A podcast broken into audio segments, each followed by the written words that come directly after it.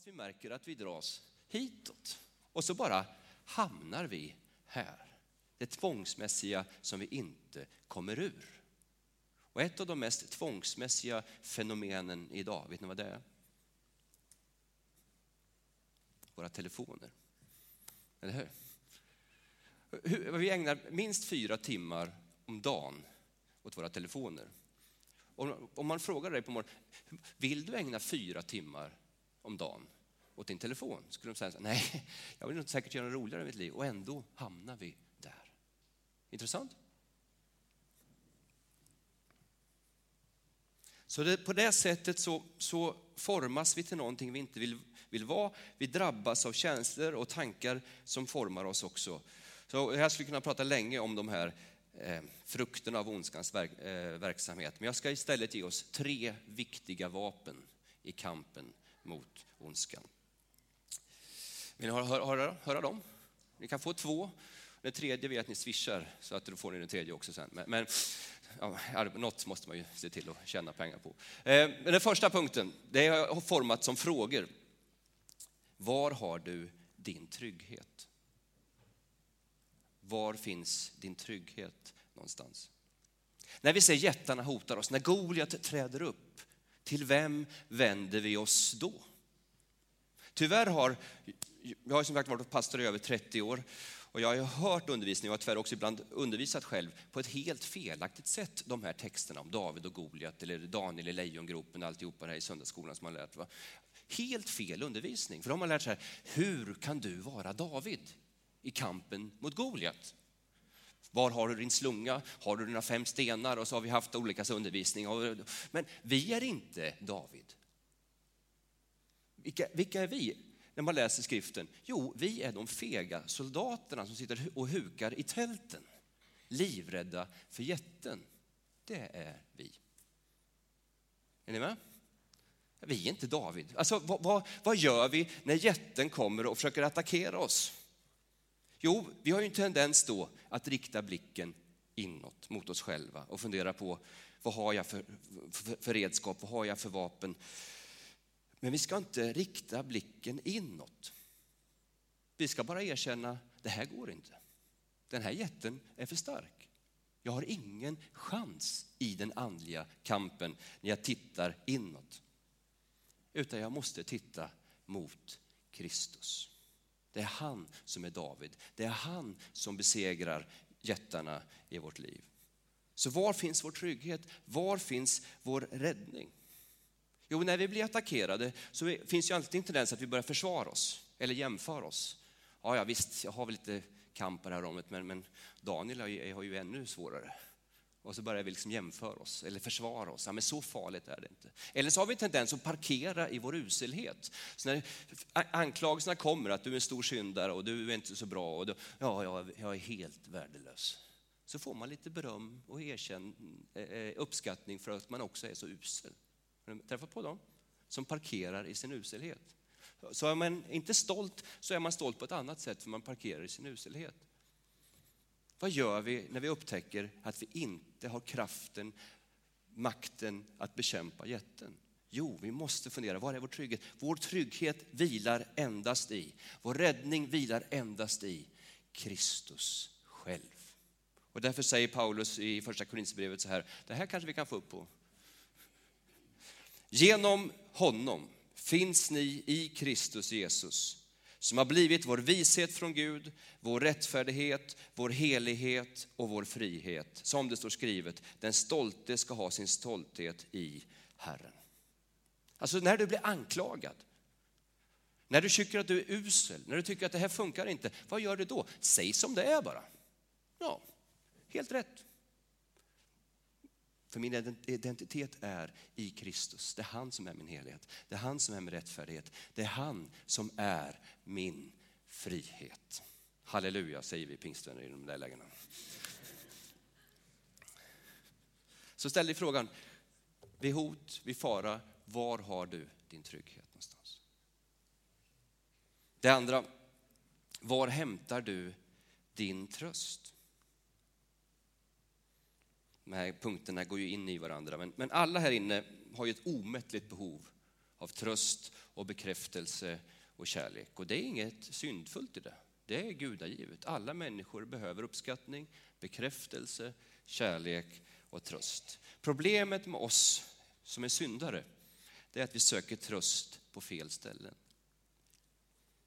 När Paulus listar upp den här äh, syndakatalogen i Fesierbrevet 5, då nämner han ju orenhet, otukt, själviskhet, girighet, oanständigt tal. Vad är detta utslag för egentligen? Jo, vårt behov av bekräftelse och tröst. Vill vi präglas av de här synderna? Det var ingen som ville, märkte vi innan. Men vi märker att vi, vi drivs dit.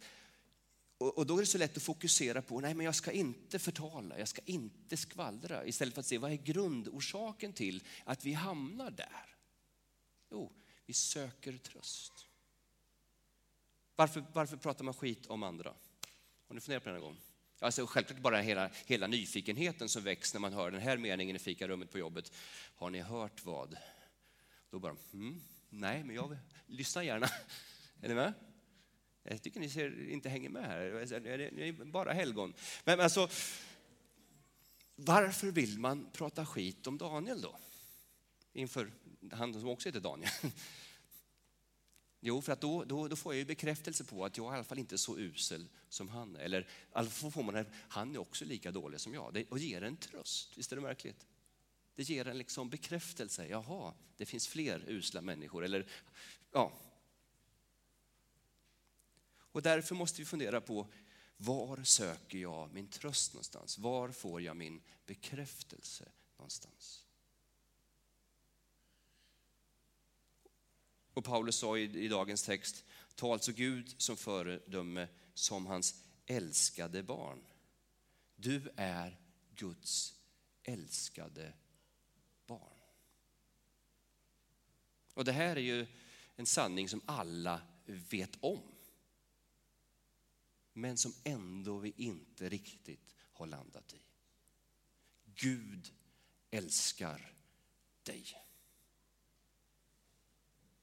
En av mina favoritverser i hela Bibeln är från Romarbrevet där det står så här, medan vi ännu var svaga dog Kristus för alla gudlösa när tiden var inne. Knappast vill någon dö för en rättfärdig, kanske går någon i döden för en som är god. Men Gud bevisar sin kärlek till oss genom att Kristus dog för oss medan vi ännu var syndare. Det är kärlek. Gud älskar dig. Tänk om vi kunde få landa i den vissheten. Gud älskar mig. Och att finna sin tröst, finna sin bekräftelse, finna sin identitet i just denna sanning. Alltså det finns inget maxtak för nåden. Det finns ingen botten för nåden. Den är alltid full effekt på.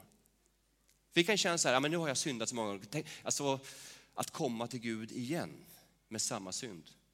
Gud förlåter, för han är nådefull och han älskar dig. Han älskar dig.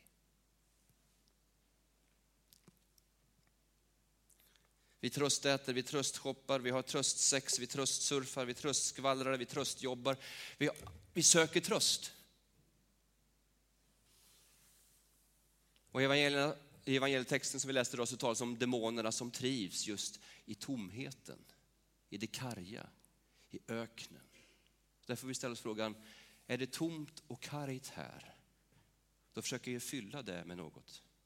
Så då tröstshoppar vi, vi tröstsurfar, vi tröstäter. Och jag ska säga en sak, jag tror på detta med att tröstäta. Här får vi tröstäta. Varje dag, eller varje gång, så bara för mig utgiven. För mig utgjutet. Där är vår källa. Där finner vi tröst. Där får vi den verkliga bekräftelsen. Min sista punkt. Vartåt är du riktad? Alltså var söker du din trygghet? Var söker du din tröst? Men också åt vilket håll är ditt liv riktat? När vi pratar om kampen och synden så är det lätt att vi fokuserar liksom på de detaljerna istället för att fundera på, men vad fyller mitt liv? Vart är jag riktad? Vad är min passion? I Fesbrevstexten står det så här, ta Gud till föredöme. Det kan också översättas imitera Gud. Alltså gör som Gud. Om du har det som mål i ditt liv, då blir kampen mot ondskan, kommer den på rätt plats. Jag hade en underbar story när en pappa skulle tvätta sin bil och så var hans, jag tror det var tre eller fyraårige son som också ville vara med. Så, så, så, pappan står på ena sidan och, och, har sin svamp och tvättar, sen hör han obehagliga ljud från andra sidan bilen. Sten mot plåt. Så han går runt och där sitter sonen med en tegelsten bara. Jag gör precis som du pappa. Jag gör precis som du. Alltså det är så vårt liv ska levas. Att imitera Gud. Att ha fokus, inte så mycket på vad man ska hålla sig undan ifrån eller hur det ska besegras, utan hur gör Gud? Hur kan jag leva ännu mer så att anden fylls, fyller mitt liv? För i Efesierbrevstexten, den avslutar, vi hann inte läsa hela den texten, men där upp, liksom sammanfattas hela den stycket i, låt er fyllas av anden. Alltså det är på det sättet vi imiterar Gud. Att ha sitt fokus på det.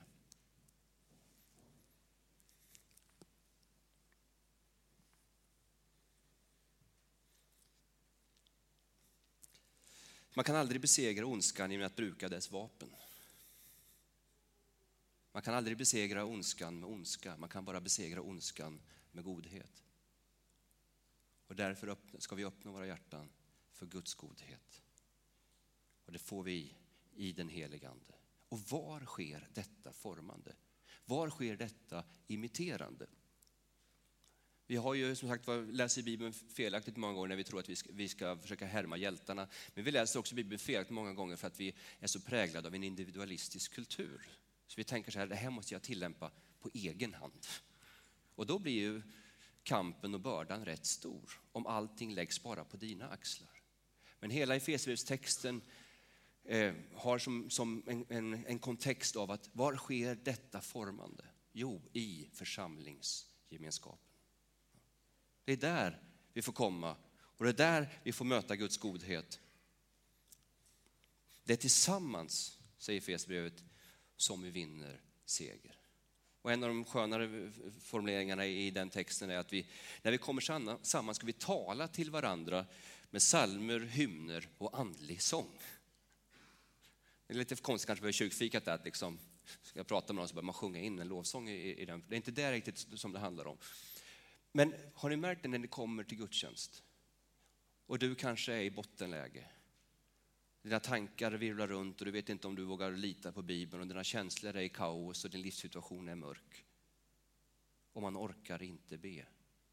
Tänk om allt då bara vilar på dina axlar. Det gör det inte. Utan du får sitta här och vara tvivlande, trött och tom. Så får andra be och andra får tala in genom andliga sånger Guds ord i ditt liv. Det är därför vi behöver samhällsgemenskapen. Det är därför vi behöver fira eh, mässa ofta.